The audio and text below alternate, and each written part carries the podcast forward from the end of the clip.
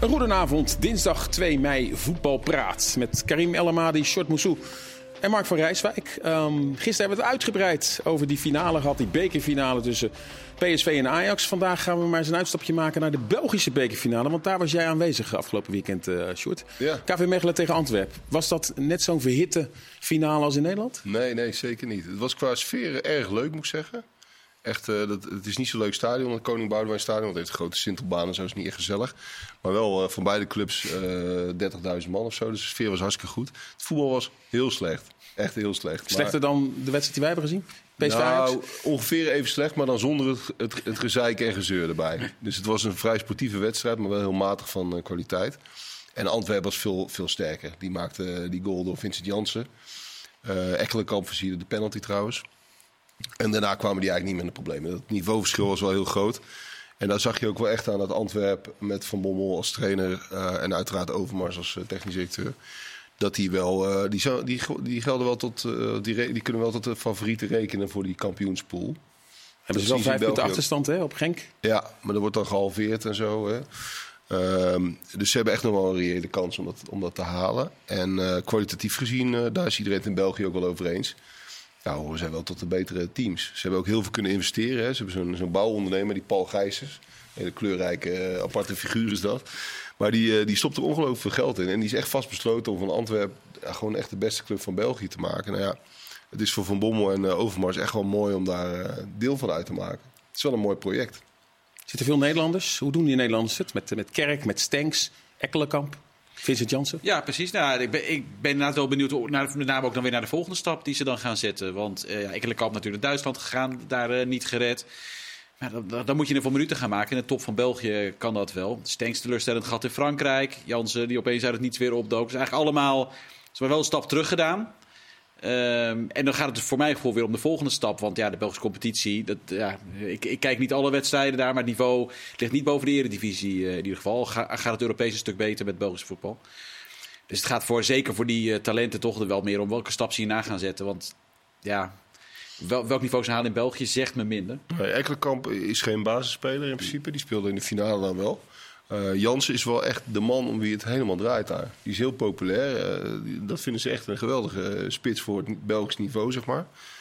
En als je hem dan zo ziet en, en je legt het tegen het Nederlands elftal aan... dan blijft het best wel gek dat hij bedankt, dat, dat hij bedankt heeft. Maar, ook die, omdat maar die zou toch ook in de Nederlandse top gewoon kunnen spelen? Dat, ja, nou ja, ik, ik weet niet of hij fysiek zou kunnen. Ik vind hem wel echt een goede speler die hier in Nederland echt wel bij de top 3 gewoon kan spelen. Ja. Al misschien, uh, misschien een tweede spits of uh, tenminste wel veel wedstrijden kan gaan spelen. Met de kwaliteiten die hij heeft. Als Altijd bal vast. Zeker. Ja. Ja. Maar Stenks die had een aparte rol voor. Tenminste, ik heb, ik heb alleen de samenvatting gezien. Waar stond hij? Uh, hij heeft op rechts gespeeld, hij heeft op links gespeeld. Hij had een, een paar verschillende. En, en hoe, hoe ging dat? Want hij, heeft, hij, hij wisselt een beetje inderdaad in, in dat elftal. Ja, hij speelde redelijk. Niet, niet bijzonder. Hij had een goede assist bij de 2-0. En uh, verder speelde hij uh, een 6,5. Dan ben, niet, uh, ik toch wel, bij AZ was toch het talent. Ja, dan is de stap naar de league dan denk ik gewoon te groot. Ook fysiek voor hem. Uh, ik weet nog dat bij AZ hadden ze toen dat toen ging Boadu, Koopmeiners en Stenks. En eigenlijk was bij iedereen AZ erover eens dat Koopmeiners wel met afstand de meeste kans had om te slagen in het buitenland. Alle voorwaarden, zowel fysiek als uh, uh, het mentale, alles bij elkaar. Wat Koopmeiners die, dat is er tot nu toe wel uitgekomen natuurlijk. Ja, Stinks heeft ook nog zoveel om wel die stap te gaan zetten.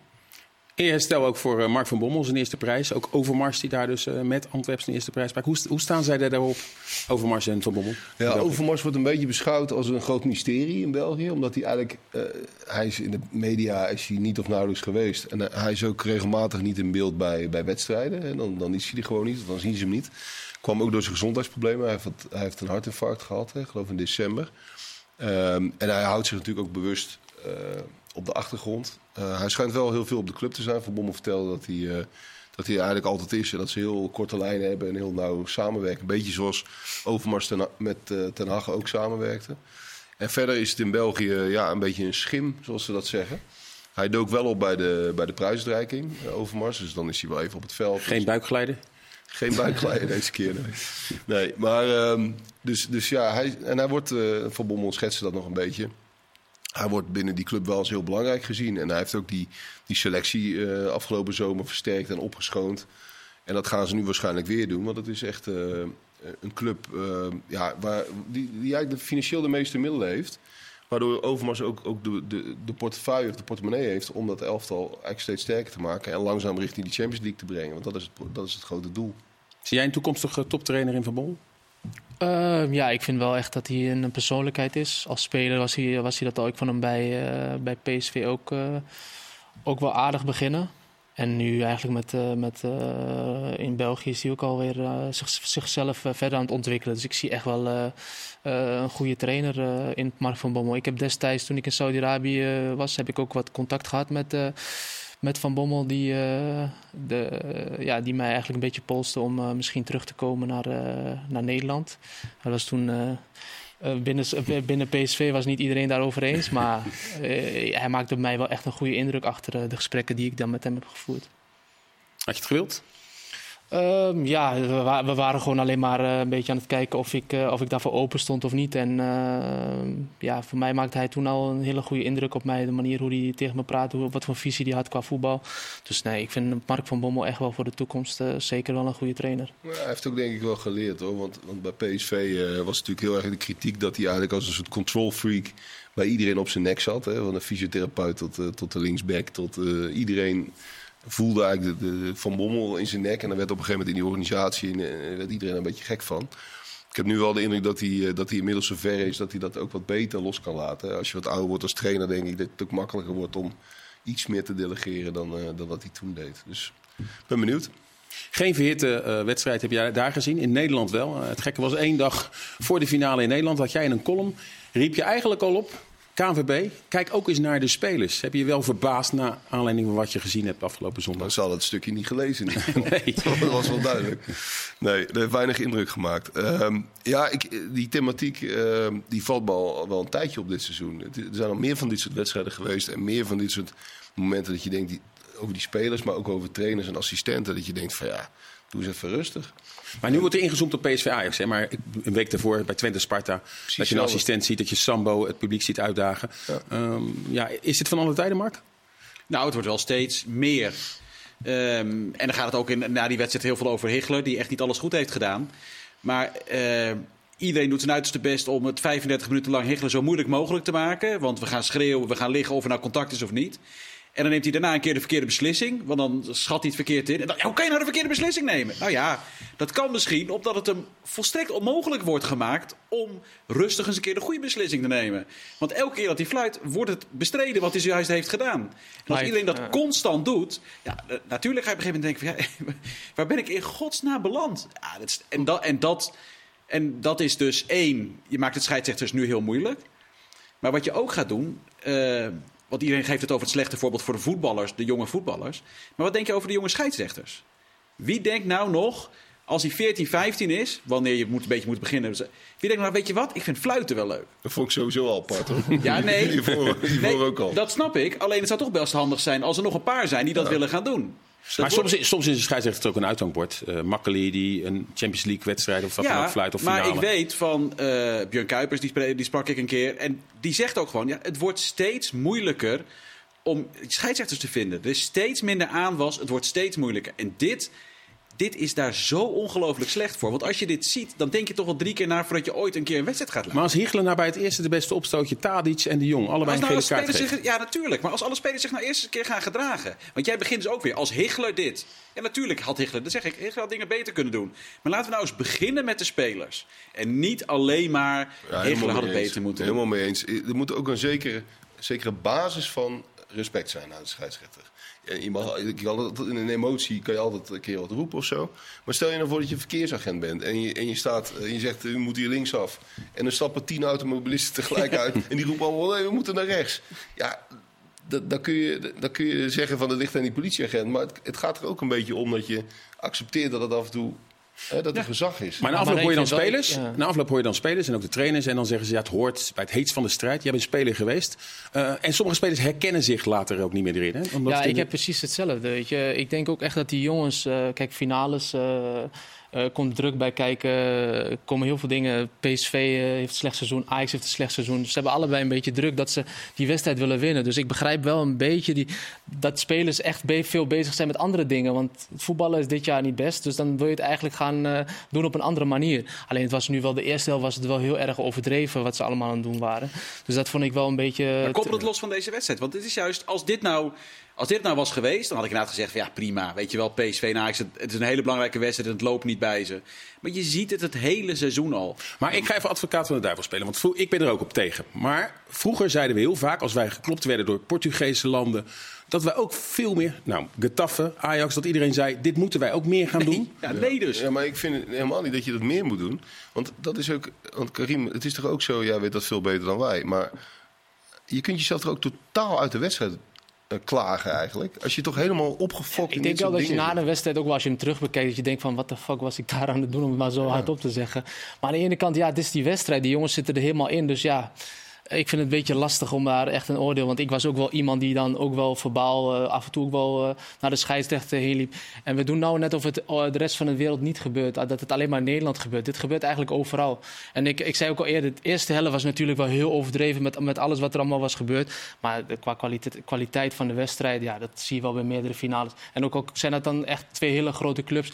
Ik denk dat we dit wel veel meer in de wereld zien. Maar nu dat het in Nederland gebeurt, dat we dat heel erg, eh, ja, hoe zeg je dat, heel erg serieus nemen. Het was wel een beetje te veel de eerste helft. Maar aan de ene kant denk ik, we moeten het ook niet te groot maken. Nee, maar stel nou wat jij zegt, Getafe. Maar oké, je bent een Ajax-supporter. Je bent opgegroeid met Ajax. Heb je dan daadwerkelijk liever dat je verliest... of dat je wint zoals Getafe? Dus dat je dan maar met precies op die manier een wedstrijd met 1-0 wint... dan dat je met het Ajax-DNA aan het voetballen bent... en dus af en toe ook een keer verliest van een club als Getafe... die dat wel nodig heeft. Maar finale, hè? nee, nee, nee, daar ben ik Roma- niet mee eens. Dan heb ik- Roma, dan heb ik Feyenoord- liever dat ik win. Ja, ja, nee, Maakt heb niet uit hoe. Nou ja, maar dat, Als dat Ajax, als. Ajax slecht zou voetballen, ze weten al, dit seizoen ze zijn sowieso Ja, heel maar ik, heb slecht. het over gewoon, ik heb het over de lange termijn. Het gaat niet ja, finale maar de finale is Roma- niet de lange termijn. Nee, het, het finale gaat, is het om, het gaat zelf. om wat wil je nou als club en wat wil je als supporter en wat wil je als spelers. Ja, op lange termijn wil je mooi voetbal zien en alles, weet je. Maar op de, op de moment zelf van de finale interesseert het me echt niet. Wij speelden ook een finale met Feyenoord tegen AZ. AZ was het hele seizoen heel goed aan het voetballen. Maar wij gingen gewoon eh, de beuker in gooien. Die wedstrijd zelf op zich, Dat hadden we snap die ik. wedstrijd Alleen het gaat om welke keuzes maken. Want jij zegt inderdaad, moeten we niet meer Getafe krijgen in het Nederlands voetbal? Dat was een Nou, discussie. nee. En ook na ik AS dus Roma niet. Feyenoord Conference League finale. Ja, wij gingen er ook stemmen op hoe Mourinho zijn team prepareerde. Dat misschien Nederlandse clubs daar wat van Ja, kunnen maar de vraag is, we hoeven niet, echt niet roomser te zijn aan de pauze. Maar de vraag is toch ook een beetje, eh, doe je het uit kracht? Hè? Doe je het vanuit een soort overtuiging? Of doe je het eigenlijk uit een soort zwakte en wanhoop? Hè? Omdat het gewoon niet loopt, omdat je geïrriteerd bent, omdat je gefrustreerd bent. En dat was zondag natuurlijk aan de hand. Het was niet zo dat, die, dat, die, dat je hier nou twee ploegen eh, zag zoals eh, de Portugese topploegen. Van nou, die, die, die zijn slim en die zijn hard en die, die knallen er even bovenop. Dit was gewoon pure onmacht eigenlijk wat er vanaf straalde bij beide teams. Waardoor het heel irritant werd. Maar dan moeten we naar de coaches kijken. En daarover gesproken, nou Heitinga. Ehm hebben het gisteren is er natuurlijk ook wel over gegaan. Maar hoe staan jullie in de discussie Heitinga? Moet hij blijven? Even een rondje, beginnen bij Mark. Eh, ja, ik, kan me, ik kan me heel goed voorstellen dat Ajax in deze fase van de club besluit dat ze iemand daar neer gaan zetten die eh, meer ervaring heeft om hoe je dit op kan lossen. Want dit is een bijna onmogelijke klus die je ook niet bij hij te gaan neer kan leggen, denk ik. Short? Eh, ik neig iets meer, iets meer naar blijven, maar het is een, eh, het is een lastig inmiddels. Karim? Eh, ik denk misschien als hij het seizoen kan beginnen met zijn eigen spelers, dan zou ik zeggen blijven. Maar aan de ene kant, hij heeft wel 15 wedstrijden gekregen. Volgens mij toch? Om zich te bewijzen. En ik zie niet echt een stijgende lijn bij Ajax. Had hij er niet voor moeten zorgen dat juist, want aan het begin van het seizoen eh, speelde Ajax best wel wedstrijden dat ze toch met 4, 5, 6, 0 wonnen. Spelers uit vorm en de spelers moesten de tijd krijgen, was toch het excuus, de nieuwe aanwinsten. En uiteindelijk hebben we nooit het voetbal gezien. Bergwijn kan beter, eh Wijndal kan beter. Je kan eigenlijk het hele rijtje, rijtje opnoemen van spelers. Iedereen, iedereen kan Zij- beter. Ja, maar die, volgens mij is gewoon. En is de- het Heitinga te verwijten of niet? Nou, de groep is volgens mij op dit moment verziekt. Als je die sfeer daar ziet, hoe het onderling zit, er zit daar gewoon iets grondig niet goed. Ja. En op een ander niveau geldt dat ook voor Groningen. Waarbij je dus nu, je kan van de reden schuld geven. Maar ook daar was het niet zomaar, eh, een Lukien was het ook niet zomaar gelukt om dat allemaal even op te lossen. Wat dus niet wil zeggen dat Van der Rey en Heitinga alles goed hebben gedaan. Maar de problemen zijn groter dan alleen maar het bij de trainer neer te Ja, leggen. dat, Ja, dat klopt. En niet alleen de- binnen het team is het fysiek, maar de hele club is Ja, maar ik vind ook, ik vind ook eh, Ajax staat bekend om een opbouw, eh, goed voetbal. En als je dan de spelers bekijkt, ja, als trainer zijn, wat moet je daarmee eigenlijk? En Sanchez die die niet kan opbouwen. Alvarez eh, natuurlijk een hele goede speler zonder bal, maar met bal is het ook niet best. En dan heb je nog eh Grealish, die, die ook heel veel de, west, de, de bal af heel veel vertraagt. En dan had je nog Klaasie, die ook nog voor de opbouw moet zorgen via het middenveld. Ja, dat is totaal niet zijn positie. Dus eigenlijk kom je als Ajax zijnde bijna niet meer aan het voetballen. Je ziet soms ook Berghuis kijken. Sanchez die gaat dan het middenveld in, maar ja, die gaat het middenveld inrennen, maar die wil eigenlijk helemaal de bal niet hebben. En dan zie je ook Berghuis kijken van, naar wie moet ik de ballen kwijt? Dus ik vind dat Maar goed, ze hadden natuurlijk wel voetbal met Blind. Die hebben ze weggedaan. Ja, klopt. Blind was een goede opbouwer, maar die was denk ik ook verdedigend. eh, liet hij ook niet, eh, vooral op, eh, in de Champions League, liet hij, liet hij het ook niet zien, vond ik. Eh, ook heel veel goals die door Blind waren gekomen. Maar- Maar de, ja, de selectie is, is volledig uit balans. Ja. Dat is, Ja. Het is een dramatische transferzomer geweest. Het is onrustig bij de club. Maar dat is ook een beetje waarom ik de neiging heb, of waarom ik een beetje neigde naar blijven. Kijk, eh, het is een zootje. Je weet dat die selectie eh, volledig scheef is. Schreuder heeft er ook mee te maken gehad. Die viel ook van alles te verwijten. Maar die kwam ook in een hele moeilijke situatie bij Ajax. Zie je nu aan Heitinga weer. Ze hebben met een volle verstand gekozen om een jongen van de club, populair gezegd, deze klus te laten doen. Ze wisten wat ze in huis hadden, ze kenden hem.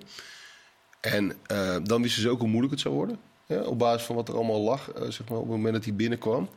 Ja, dan, dan is het ergens ook een soort zwaktebod. Als je nu zegt van ja, god, eh, ja, het is toch niet gelukt bij Heitinga. Je hebt er met je volle verstand voor gekozen om deze man, die, die toch een soort eh, ja, Ajax-verleden heeft, die toch een bepaalde status heeft, om die voor de leeuwen te gooien en hem vervolgens af te rekenen op het wanbeleid dat je zelf gecreëerd hebt. Maar waarom zou Ajax niet nu al communiceren van ja, we gaan met hem door. Als ze met hem door willen. Hey, ze Dan zorg je twijfelen voor rust, natuurlijk. ja. Ze twijfelen natuurlijk. Ja. Dat is En als de vraag wie kan je krijgen. En als ze slim zijn, gaan ze niet nu al zeggen... we nemen afscheid van je op het moment dat je niet weet wie je kan krijgen. Dus daar... Heel logisch, maar inderdaad precies wat, eh, wat Sjoerd zegt. Als je er dan doorgaat, dat kan. Maar dan moet van bovenaf moet het te makkelijker worden gemaakt. Dus er moeten beslissingen worden genomen door de club... die hij te gaan dan niet meer hoeft te nemen... die hem het, wel, het werk wel makkelijker maken. Dus ook doorselecteren van spelers. En ik zeg maar wat, als de club, of als hij te gaan zegt... Tadic, zie ik het niet in zitten... dan moet de club hem helpen om daar een besluit in te nemen. En niet alles alleen maar bij hij te gaan neerleggen. Dat kan niet. Het weekend was ook de Franse bekerfinale met eh, eh, Toulouse. Dat met 5-1 wist te winnen van Nantes. Vier Nederlanders, waarvan de drie echte Nederlands. Eentje speelt voor Marokko met Abu Ghlal, maar eh, Van de Bomen. Dallinga en Spiering. Ze hebben in de Nederlandse club zitten slapen, Sjoerd. Dat, eh, dat, dat deze spelers bij Toulouse spelen en niet in de Nederlandse competitie top 3. Ja, ik vind het al echt mo- wel moeilijk om te zeggen hoor. Want nou, neem bijvoorbeeld Dallinga. Hè. Eh, op zich is het gek dat geen van de top 6 clubs hem genomen heeft. Maar als je het zeg maar, per individuele club gaat bekijken, als je bijvoorbeeld AZ pakt, die hebben een andere afweging gemaakt eh, van de zomer met. Hè. Die- Dat, dat was in principe de keuze. En dat is ook niet helemaal ondenkbaar. Of het is niet heel raar of zo. Eh, Dus iedere club maakt daarin altijd zijn eigen afwegingen. En dan kan het net zijn dat een jongen als Dallinga er net zeg maar, tussendoor glipt en dan voor Toulouse kiest. Dus om nou te zeggen, een verkeerde inschatting. Ja, ik Kijk, Vitesse had het geld niet. Op dat moment zaten Nee, niet in de situatie om te halen. Ja. Waar had hij nou perfect gepast? Groningen. Maar ja, daar komt hij notabene vandaan. Dus, eh, maar die hadden na de verkoop van Strand Larsen denk ik eh, best eh Dallinga willen hebben. Dus soms gaat het zo. Maar het is best opvallend, ook als je het breder kijkt met De Roon was natuurlijk ook niet iemand die in beeld was bij het Nederlandse top. De- die ontwikkelt zich in het buitenland tot international. En zo zijn er heel veel Waarbij dus je het gevoel hebt af en toe dat die scouts van of naar Atalanta is of Toulouse. Of, dat je denkt, ja, die zien dingen in Nederlandse spelers die ook wij met z'n allen niet Zoals direct Becker zien. ook in Duitsland. Becker. Ja, dat, precies. Ja. Maar dat is gewoon, dat, bij, die- dat was hetzelfde tijdje een kampioenskandidaat. Waar die gewoon een belangrijke speler is. En dus blijkbaar zien die scouts dingen waarvan... Want er was op dat moment dat Dallinga het goed deed... waren er niet heel veel mensen. En dat geldt ook voor Morten de Roon. Nou, hij heeft er vorig jaar heeft hij er wel 30 gemaakt in de eerste divisie. Maar dat, toen, toen dachten ook heel veel van, het is maar de eerste divisie. Giacomakis die maakte er heel veel in de eredivisie. Ja, eh, Maar eh, hij was voor pak een beetje 2,5 miljoen op te pakken. Dan kan je als club het risicootje nemen en hem verhuren. Welke club? Maar 2,5 miljoen is voor de, voor Feyenoord, de meeste, AZ? voor de wel veel, meeste? Nederlandse clubs best wel veel. Hè? Feyenoord, Feyenoord kan niet een gokje nemen van 2,5 miljoen. Tenminste, Nu afgelopen niet. zo. Nee, afgelopen En zomer nu misschien wel, en, toen niet. vooral niet nog verhuren met 2,5 Nee. miljoen die je koopt. Dus dan kom je uit van- bij PSV. Nou, die hebben Luc de Jong. Dus ja, dat zou ook heel gek zijn. Ajax, nou, dat snap ik best dat Ajax dat niet doet. En AZ maakt een andere keuze. En voor de andere clubs geldt, ja, wat ik zeg, Groningen, die hadden het geld aan de verkoop van Strand Larsen. Maar ja, Ja, die hadden hem nooit, maar die hadden hem ook nooit moeten nee, laten nee, gaan. daar kwam transfervrij. vandaan. Dus dat was eigenlijk de enige geweest waarvan je zegt, Is het, al, misschien moeten halen. is het al Nederlands elftal materiaal? Want we zitten natuurlijk eh, niet ruim in de spitsen. Nu Vincent Jansen en de Jong gestopt zijn? Nou ja, eh, ze zullen hem ongetwijfeld in de peiling houden. Omdat, omdat ze, ze hebben een probleem op die positie. Uh, Brian Brobby zit, zit, er vaak net bij. Omdat, die, ja, omdat ze eigenlijk niks, niks beters hebben. Uh, met alle respect. Want hij, is, natuurlijk geen basisspeler bij Ajax lang geweest. Um, dus hij komt wel in beeld. Maar ja, kijk, ook hiervoor geldt het is, het is echt wel lastig in te schatten of een speler die op dat niveau speelt, of die echt goed genoeg is voor het Nederlands elftal. Jee, die Schouten doet hartstikke goed bij Bologna. Kwam bij het Nederlands elftal onder Vergaal. En ja, was hem toch nog net niet. Misschien straks wel, maar nu nog niet. Dus ze kunnen hem een keer bijnemen om eens te kijken van nou, misschien, uh, misschien kan hij het aan. Maar het kan ook best de conclusie zijn dat het gewoon nog niet goed, goed genoeg is. Want het is nu best wel een stap als je vorig jaar nog eerste divisie speelde om nu bij het Nederlands zelf te komen. Ja, maar ik vind wel, als je, als je bijvoorbeeld die wedstrijden, bijvoorbeeld tegen Paris Saint-Germain en Lyon, als je dat soort wedstrijden dan op zo'n niveau speelt, dan vind ik wel echt dat dat eigenlijk wel een beetje bij het Nederlands elftal, uh, als je hem dan daarop beoordeelt. En ik heb volgend jaar nu de ik heb, wel, ik heb wedstrijden van PS, uh, tegen PSG gezien, Toulouse, PSG, vond ik toch wel dat Spiris en Van Bomen echt wel een indruk maakte dat ze wel makkelijk mee konden op, dat niveau. Vooral Spierings, vooral in het ballen afpakken, vind ik wel echt dat het een speler is echt wel die, uh, die hier misschien ook wel ergens in Nederland uh, bij de top kan spelen. Nou, Van der Boom heeft al lopend contract en naar verluid zijn PSV en Feyenoord geïnteresseerd. Zou dat een goede stap zijn voor Van der Bomen terug naar Nederland? Of zou je denken, joh, blijf lekker in die Franse liga? Nee, ik denk dat, dat het zeker een goede stap is. Want misschien is de Franse top dan weer net te veel. En als je in de Nederlandse top kan spelen, is dat toch wel denk ik wel weer, weer een stap vooruit. Zeker voor dit soort jongens. En waarom niet? En het is ook logisch toch, dat Feyenoord en PSV daar naar kijken, naar dat soort gasten. Ja. Ja, ja, nee, eens. Ja, nee, precies. Maar kijk, er is gisteren ook al over gaan. Van de Bomen en Veerman op één middenveld wordt heel lastig, denk ik. Ja. Dus dan zou Feyenoord misschien wel logischer zijn als je hem uh, naast Wiever zet. En dan kan Zerouki naar PSV. Ik denk dat dat beter past. Dat je heb je van de bomen naast Wiever. Ja, VI meldt wel vandaag dat Zerouki en Feyenoord wel ja, weer met elkaar praten. Hè, voor de 933 ik, ik denk ook dat Zerouki naar Feyenoord naar de PSV ja, en als je de Champions League ingaat, vind ik ook wel dat je alles goed dubbel bezet moet hebben. En ik denk dat de positie die belangrijk is, denk ik ook wel het nummer 10 positie, wat met Szymanski gaat gebeuren. Ja. We gaan het straks uitgebreid over Feyenoord hebben, want het is komend weekend Excelsior Feyenoord. Zou de kampioenswedstrijd van Feyenoord kunnen zijn en zes jaar geleden ging het fout. We gaan het daarover hebben, we gaan het over Heracles hebben, we gaan het over veel meer zaken nog hebben. We zijn zo meteen bij u terug. Gaan we het ook nog over het vrouwenvoetbal hebben, want daar is ook vandaag opmerkelijk nieuws in gekomen. Dus over een paar minuten zijn we terug. Ik zou zeggen, blijf kijken voor het tweede gedeelte van Voetbalpraat.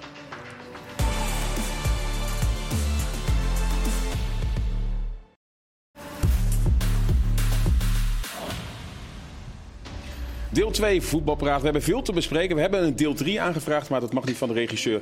Dus gaan we er snel doorheen. Lionel Messi is voor twee weken geschorst door Paris Saint-Germain. Hij is na de verloren wedstrijd afgelopen weekend is hij op vakantie gegaan naar Saudi-Arabië. En dat is hem niet in dank afgenomen. Is dit een einde van eh, Messi bij Paris Saint-Germain? Het is net alsof het niet altijd werkt dat je de drie uh, beste spelers probeert bij elkaar te brengen. Dat het dan uh, gaat werken. Nee, ja, nee. Dit, dit, lijkt me het einde. Volgens mij dit seizoen was het best lang heel goed. Maar dat, dat, lijkt er toch vooral uh, toe hebben geleid dat hij wereldkampioen is geworden met Argentinië. Dat hij daar toen naar heeft opgebouwd. En daardoor ook bij PSG de eerste seizoen zelfs echt nog wel goed was. En is hij wereldkampioen geworden. En daarna uh, lijkt hij het allemaal wel te geloven. Hij had moeten stoppen gewoon. Nou, die wereldtitel, ja. die finale. Ja. Precies, jongens, bedankt. Ik vind het mooi geweest. Ja, ja, ja dat gewoon is in, het een, geweest. in een hangmat gaan liggen. Ja. Dat was het beste geweest. Dit, dit, dit is wel een beetje gênant, vind ik hoor. Dat je, dat je zo met, met je werkgever omgaat. En dat je gewoon me zegt, uh, weet je wat, ik, uh, ik ga even naar Saudi-Arabië, want ik ben er nog een, een, een of andere ambassadeur. Ik laat iedereen verder stikken.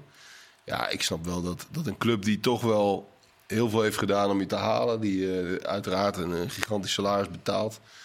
Ja, ik vind, ik vind het een beetje, ja, ik heb er niet echt, ik zou er, als ik Paris Saint-Germain, het is hem twee weken geschorst, toch? Twee weken geschorst, hij krijgt twee weken ook niet betaald. Nee. Ik denk dat ja. hij dus wel op een... zal hij niet zo erg vinden, denk ik. Ik vind hij niet zo erg, maar ik vind het wel voorkomen terecht. Zie jij het nog misgaan bij Paris Saint-Germain? Neymar is natuurlijk ook al niet meer bij. Nu is dan Messi de komende weken er niet bij. Afgelopen week thuis verloren. Ze hebben een gat van vijf punten op Marseille. Ja, je hebt wel een beetje het gevoel dat er veel spelers er klaar mee zijn. Dat ze de Champions League niet uh, meer kunnen winnen. Dat ze zoiets hebben van, uh, het is wel goed zo.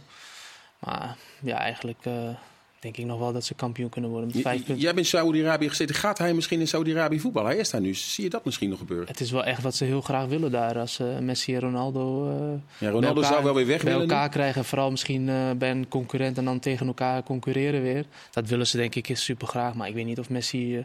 ik zou een terugkeer naar Barcelona ook, ook wel heel mooi vinden voor Messi eigenlijk. Om helemaal af te bouwen. Ja, de vraag is of dat financieel mag hè, en kan.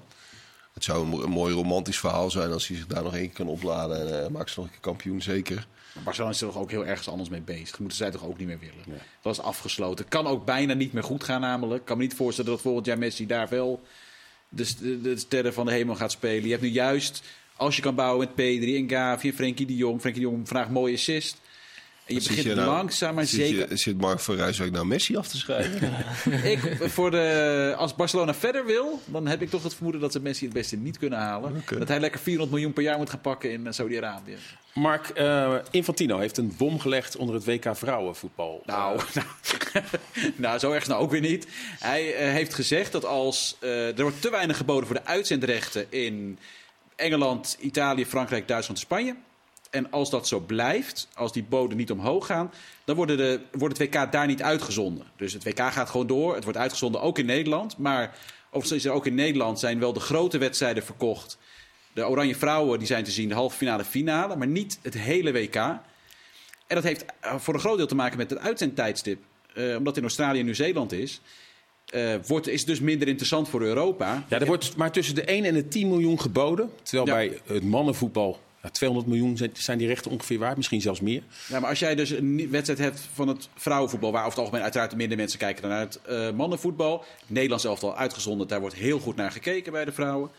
Eh, maar dan heb je het over, nou, zeg maar wat, Costa Rica tegen Japan om drie uur s'nachts. Ja, eh, ik, denk niet, ik snap dat daar niet heel veel partij, partijen heel veel geld voor over hebben. Want dat gaat mensen niet trekken in eh, Europa. Dus in eh, al die landen die ik net noemde, zullen ze het eigen land echt wel uit willen zenden. En de grote wedstrijden. Maar de gemiddelde wedstrijd op het WK, waar heel veel wedstrijden worden gespeeld, op een tijdstip wat niet zo lekker ligt. Ja. De- de- Uiteindelijk bepaalt de markt het. En hij kan wel zeggen, ik vind het 100 miljoen waard. Maar als geen enkele partij het 100 miljoen waard vindt, ja, dan gaat hij dat er niet voor krijgen. We gaan het zo over eh, het kampioenschap bij de mannen. In Nederland hebben waar Feyenoord komende zondag eventueel kampioen kan worden. Bij de vrouwen is er komend weekend sowieso een kampioen. Ajax of Twente? Klopt, ik was afgelopen weekend bij eh, Twente Ajax. Eh, Twente, Ajax Twente. Twente was goed, maar Ajax won. Eh, en dus lijkt Ajax nu kampioen te worden. Die moeten winnen bij Zwolle en dan zijn ze sowieso kampioen. En dan kan je dus de situatie hebben dat Twente, die hebben dan, als zij winnen de laatste wedstrijd, hebben ze 18 wedstrijden gewonnen. Hebben ze vijf doelpunten tegen van de 20. Hebben ze twee van de 20 wedstrijden niet gewonnen. Vijf doelpunten tegen. En worden ze geen kampioen. En dat is eigenlijk wel een beetje zorgwekkend natuurlijk. Want dat gat de, moet in de breedte wel een stuk kleiner gaan worden. ESPN gaat daar zondag eh, helemaal bij zijn. Die wedstrijden zijn live te zien bij ESPN. Uiteraard ook de ontknoping in de Eredivisie. Want het kan komend weekend gebeuren. Mocht PSV punten laten liggen op het kasteel komende zaterdag... dan kan Feyenoord kampioen worden. Zie je dat gebeuren, Sjoerd? Zondag al? Bij Excelsior? Nou ja, het kan altijd, maar eh, mijn gevoel zegt, of je gevoel zegt dat, dat ze het een week later worden. Zou ook denk ik het mooiste zijn qua eh, entourage. En daar kunnen de meeste mensen live getuigen van zijn. Maar ja, god, het kan. Het is zeker niet ondenkbaar. Ja, het, eh, het gekke is dat op 7 mei is het Excelsior Feyenoord. Eh, en ja, de laatste keer dat Feyenoord kampioen werd, was ook eh kon worden. Dat was op 7 mei 2017. Toen was Ja. het ook Excelsior Feyenoord. Toen ging het daar voor Feyenoord grandioos mis. Werd er met 3-0 verloren. En jij was een van de spelers van Feyenoord. Kan jij ons even terugnemen naar die dag? Want volgens mij stond heel Rotterdam in het teken van... oké, Ja, het is al mij binnen. was het al na de wedstrijd van Vitesse. Volgens mij komen wij op vijf punten te staan. Dat Ajax volgens mij punten liet liggen. Dus Tegen waren PSV, nog- klopt. Ja, en dus waren wij nog twee, hadden we nog twee wedstrijden en vijf punten. Dus we dachten van, eh, we worden gewoon tegen Excelsior kampioen. En volgens mij was het toen ook die meivakantie. Dat eh, al die kinderen vrij waren. Dus elke dag op de, op de club. eh, ja, jullie worden kampioen, jullie worden kampioen. Nou, eigenlijk de hele week. In twee ik- weken toch? Zat er een bekerfinale ook nog tussen, of niet? Ja, volgens mij bijna twee weken. Ja, twee toch? weken. Ja, was, was twee weken. Ja. Dus eh, de- elke dag kreeg je dat te horen. Je kwam de stad in en je, je, je was al als ware kampioen. En eigenlijk zijn we daar eigenlijk gewoon een beetje in meegegaan. Omdat we het allemaal niet gewend waren. eh, elke dag maar eh, te horen krijgen dat je al kampioen bent. En eigenlijk komen we aan bij eh, Excelsior en ook allemaal fakkels en eh, van alles daar dat we al Ja, de hele binnenstad met allerlei werden. En schermen. eigenlijk, ja, die wedstrijd, ik weet niet wat er gebeurde, maar het leek net of we allemaal verstijfd, verstijfd raakten van, van alle dingen die de, de afgelopen twee weken waren gebeurd. En ik moest echt nog wel die week naar Heracles, dat was echt wel, denk ik, misschien wel mijn zwaarste tijden die ik als speler mentaal heb gehad, maar ook wel fysiek. Dat ik dacht van, dat ik er echt wel doorheen zat van... het zou toch niet gebeuren dat je tegen heren, dat je nu niet meer kampioen wordt. Dus het was wel echt een moeilijke tijd. Maar ik moet wel zeggen, eenmaal uh, toen we aankwamen op de, bij de Kuip... Uh, op de wedstrijd van Heracles, dacht ik, ja, dit gaat, dit gaat niet meer mis. En ja, er glijdt er nog iemand uit, uh, volgens mij de eerste paar minuten. Tweerik. Dat hielp ook wel, hielp ook wel de zenuwen mee. Ja. Maar ik moet wel zeggen... Maar even terug naar die Excelsior-wedstrijd. jij was er ook als journalist... Kampioenstress, was het dat? Ja. Voelde je dat dan nou alles? Ja, ik weet nog, ik weet nog zo goed. Ik, ik, we liepen daar buiten bij het stadion. Toen kwam jullie bus kwam aanrijden. Ja. En het was echt zo krankzinnig. Mensen gingen op de bus klimmen en zo. Ja, en aan die bus hangen. Het was, het was, en voor de wedstrijd. Hè? Dus er was nog niks gewonnen natuurlijk. En ook nog het hele stadion was vol met de Feyenoorders. Dus, uh... ja. Het was compleet uh, gekhuis. En eigenlijk op best wel een leuke manier. Het was, was een hele vrolijke, uitgelaten sfeer uh, voor die wedstrijd al. En ook weinig druk. Bij ons, bij ons was er ook. Ik had het gevoel dat we niet heel veel druk hadden. Met andere woorden, van we waren er wel. Tenminste, dat gevoel had ik ook een beetje in de wedstrijd. Of naar de wedstrijd toe van, weet je, het gaat wel goed komen. Dit kan dus, toch, ja. dit Geen kan stress, niet, maar het is dit, juist te ontspannen. Dit was te ontspannen. En eigenlijk die hele twee weken waren ook al een beetje lekker ontspannen. Van, oh ja, vijf punten, nog twee wedstrijden, Excelsior uit. Dat moet wel goed komen. Met alleen maar Feyenoord, dus als het ware speelden we thuis. Zeg het kleine broertje. Maar uiteindelijk werden we echt helemaal uh, de, afgemaakt. De, de, de viering was eigenlijk al begonnen voor de wedstrijd. Ja, ja, dat was dus het was echt een soort, een soort... De huldiging was eigenlijk al begonnen en toen moest de wedstrijd nog gespeeld worden. Mark, weet jij de doelpunt te maken, toch? Uh, Bandjar? Nee, Hesselbank. Hasselbank. Elbers. En de vrije trap van Kolwijk. Kolwijk, ja. Kolwijk. Ja, het was echt... Uh, maar ik moet wel zeggen, ik denk met het team wat er nu staat... met Feyenoord, dat ze dat totaal niet hebben. Ze hebben uh, vanaf vandaag ook Dirk Kuyt, ervaringsdeskundige, was er toen ook bij, ja. die meeloopt bij Feyenoord. Denk je dat Slot dat bewust doet, hem er deze weken bijhalen om inderdaad met die veel jonge jongens bij Feyenoord... Het zou heel erg toevallig zijn als het niet... Hij speelde toen trouwens natuurlijk niet. Hij speelde sterker nog, hij speelde in die finale omdat, uh, of, eh, tegen Heracles omdat Vilena geschorst was. Maar dat was, ja, dus, ja, het zal toch geen toeval zijn, neem ik aan, dat je hem in aanloop juist nu erbij zet. Lijkt me heel sterk. Ja, geen idee. Zullen we moeten vragen. Maar, maar, ik vind het ook wel, wel ergens wel weer mooi dat Kuit, die toch hoofdtrainer is geweest nu bij Feyenoord, die zelf graag trainer wilde worden bij Feyenoord. Ik vind het ook wel heel mooi dat je dan zegt oh, dat, hij, dat hij er zelf ook voor open staat om toch als een soort stagiair mee te lopen. Dat vind ik wel opvallend eigenlijk. Ja, want Karim, volgens mij in die, na die verloren wedstrijd bij Excelsior... toen waren er veel spelers die nog weinig hadden meegemaakt. Maar Giovanni van Bronckhorst, de coach, en ook Kuit hadden veel meegemaakt. En volgens ja, mij hebben die twee jullie er een beetje doorheen geholpen in die dagen. Hè? Ja, wat, ik wat, moet wel zeggen dat wij, uh, dat wij volgens mij er ook nog een paar dagen vrijgekregen... na de wedstrijd van Excelsior, dat iedereen even de hoofd leeg moest maken... Maar ik moet wel zeggen, toen we weer terugkwamen op de club, waren dat wel. Uh, was, was natuurlijk Gio van Broncos, die, die, die heel veel heeft meegemaakt. Uh, uh, Dirk Kuyt en ook Jurgensen, die ook wel kampioenschappen heeft meegemaakt. En Kenneth Vermeer, die was dan ook ervaren. Die had ook wel wat ervaring met kampioenschappen. Dat waren wel, je zag wel, dat waren wel de rustigste, de rustige jongens eigenlijk in die hele loop naar, de, naar Heracles toe. Dus dat viel me wel echt op, omdat wij eigenlijk dat niet veel hadden meegemaakt. Maar, maar, maar wat, wat, wat, zeggen ze dan? Wat voor tips geven ze dan mee? Ja, eigenlijk geven ze het gevoel van luister, we gaan. Uh, ik weet nog dat uh, Dirk Kuyt zei tegen, tegen mij in de kleedkamer: Karim, maak je nou maar niet druk. We gaan gewoon kampioen worden. Ja, dat, als zo iemand dat zegt, dan, dan is dat wel een lekker gevoel. En dan neemt hij ook, denk ik, de hele groep mee. En ja, je zag eigenlijk wat, wat hij heeft gedaan uh, op de kampioenswedstrijd. Maar je begint dus eigenlijk van te ontspannen naar te gestrest. Ja, ja in, een, in een paar dagen tijd. Omdat, je, omdat, ik ook al, omdat ik ook al de tijden heb meegemaakt van Feyenoord dat eigenlijk niks mee zat. Dus dan, dan zou je denken, oké, we hebben de hele jaar stonden nummer één. Het zal toch niet weer misgaan. En, en eigenlijk verlies je dan ook kansloos eigenlijk bij Excelsior uit verlies je kansloos. Dan denk je van ja, waarom. Dan gaat het toch wel meer naar, neigen naar van. Hey, maar het kan ook gewoon dat je tegen Heracles misschien gewoon niet wint. Maar uiteindelijk, ik moet wel zeggen, als speler zijnde, toen ik aankwam in de Kuip met de fans en alles, was dat gevoel wel gelijk weg. Maar de loop ernaartoe had ik wel zoiets van, ja, gaat het wel lukken, gaat het niet lukken? Omdat je het zelf nooit hebt meegemaakt, een kampioenswedstrijd, wat van druk daarbij komt kijken.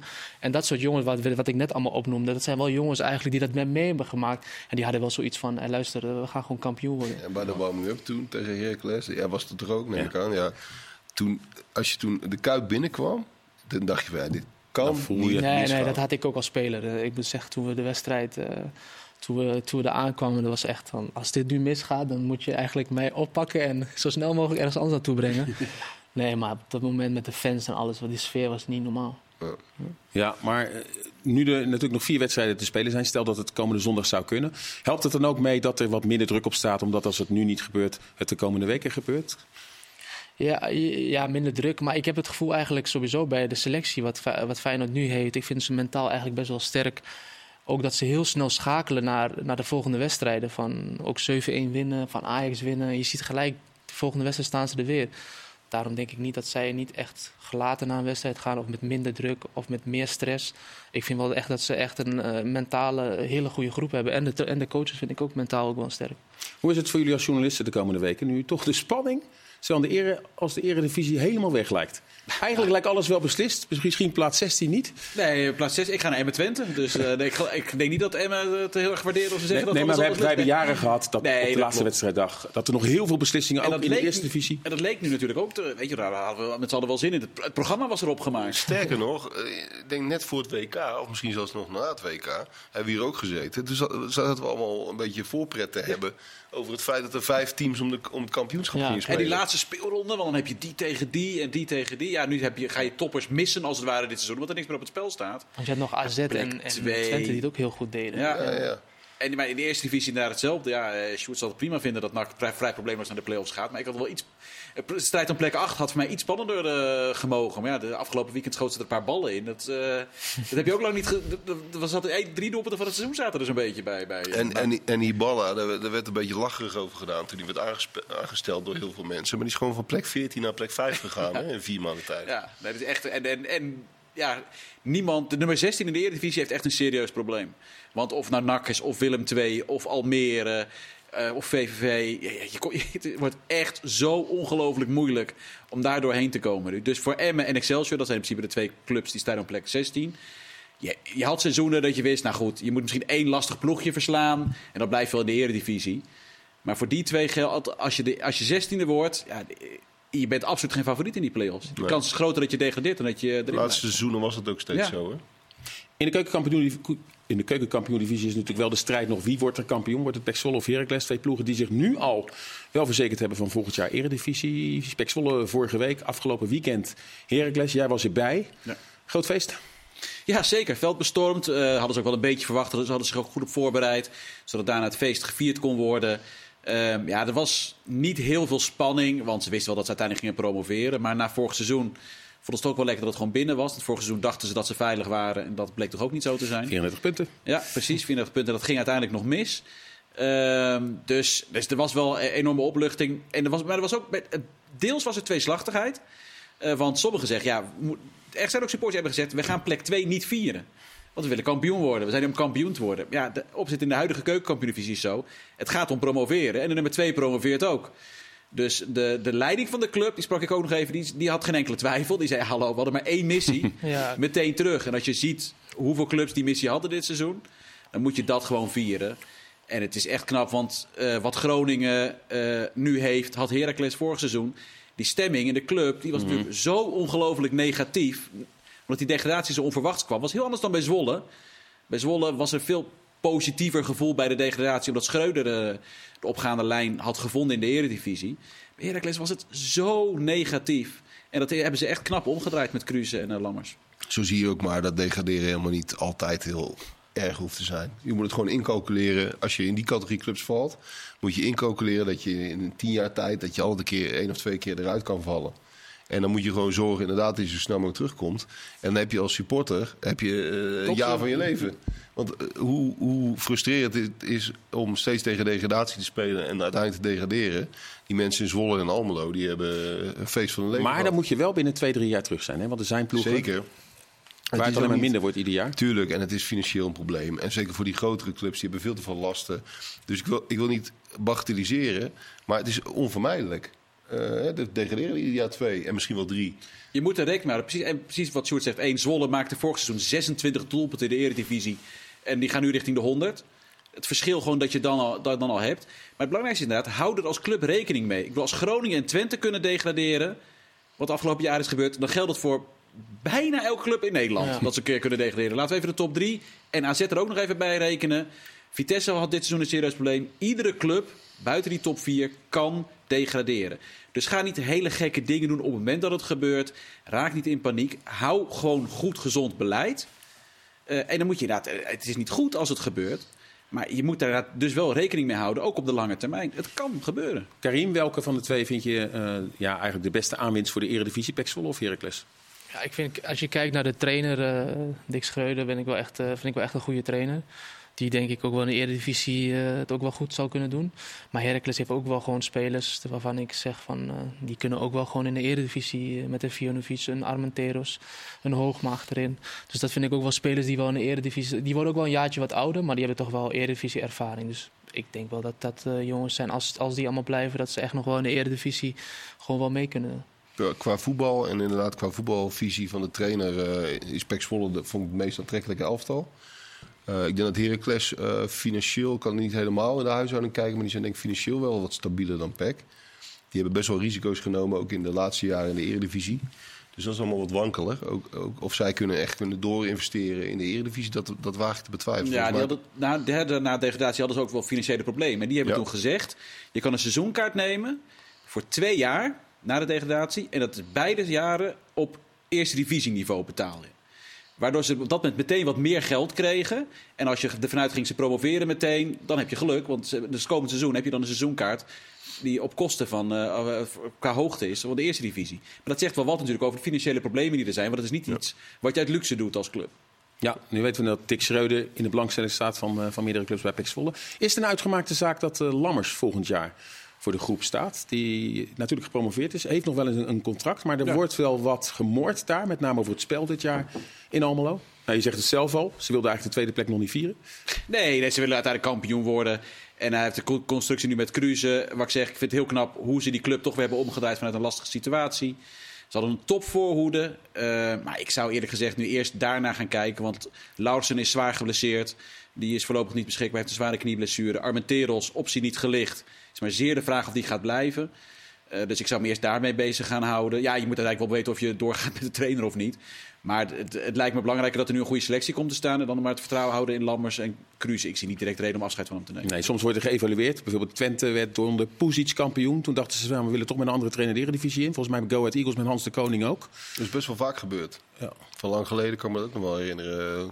Swanborn een keer bij NAC, die promoveerde ook en die moest ook weg. Maar eh, dat is heel lang geleden. Ehm, maar ik, ik, kan me dat wel iets, ik kan me daar wel iets bij voorstellen. Net als dat je bij spelers kijkt, eh, van, kunnen ze het niveau van de Eredivisie aan? Zijn we daar tevreden genoeg eh, over? En wil je, je, je kijkt over twee jaar. Nou ja, waarom zou je een trainer daar niet evalueren? Ik denk wel dat dat de eerste beslissing is die die juist wel moet nemen. Ja, nee, dat is wel de eerste beslissing die je moet nemen. Alleen, je hebt hem contract voor twee jaar gegeven.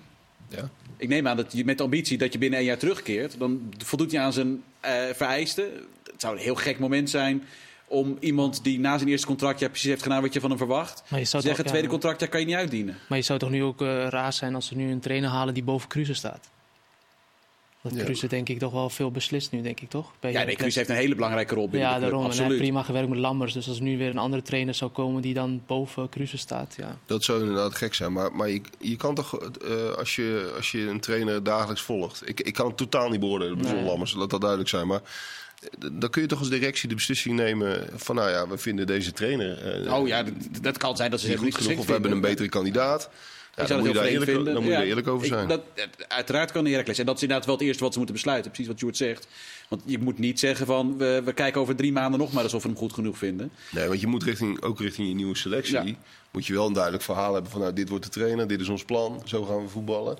Ja, als je nieuwe spelers wil halen, is het wel Nee, maar ik bedoel, redelijk mijn, ik zou Lammers aanhouden en me richten op een, op een, goede Nou, selectie ik voor ben de het ook wel eens met Dat Mark dat hij zegt met een tweejarig contract, dat is ook niet zomaar. Ja. Dat ze gewoon echt wel volgend seizoen eh, misschien verder gaan met z'n tweeën. Dat Waarom? zou opvallend zijn. Waarom wordt NAC de derde promovendus?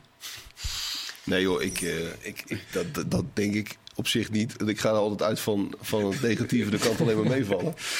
Maar eh, ik moet wel zeggen, er, zit wel echt, echt een, eh, een knappe opwaartse lijn in. Ze zijn eigenlijk in de winterstop helemaal opnieuw begonnen. De hele club eigenlijk. Hè. Allemaal nieuwe mensen op nieuwe posities. Van Hooydonk erbij gekomen? Van Oorlog erbij gekomen, nieuwe spelers gehaald. En ze hebben echt in, een- in een paar maanden tijd hebben ze me wel echt wel positief verrast. Ze zijn echt van, eh, ook net al zei, van plek 14 naar plek 5 gegaan. Eh, met, met Omerson, hartstikke goede speler. Met eh Staring, goede middenvelder. Eh, dus ja, ik denk dat ze nog wel een jaar nodig hebben, normaal gesproken. Je moet eigenlijk nog een keer de transferperiode door investeren. En dan kun je echt meedoen met het kampioenschap, denk ik. Maar ze hebben al wel een flinke, flinke stap gemaakt. Welke wordt de derde? Want jij ziet heel veel wedstrijden in de keukenkampioen-divisie. Ik denk dat Willem II gaat promoveren. En ik denk dat dat voor Groningen en Cambuur en ook NAC heel goed zou zijn. Want dat- anders heb je Willem II en NAC en Cambuur en Groningen. Ja. Dat wordt volgend seizoen... Ja, het wordt sowieso genieten, maar dat wordt... Karim, weet jij nog een derde? Noem maar even een andere. Dan is Karel Boze Almere of Eindhoven, MVV. Ik, ik gun het eh, Maduro wel. eh. Almere. Ja, Almere. Almere. City, collega van Jij ons. ook, hè? Heel goed, ja, ja, ja. We gaan het zien. Dankjewel heren en dankjewel u voor het kijken. Fijne avond.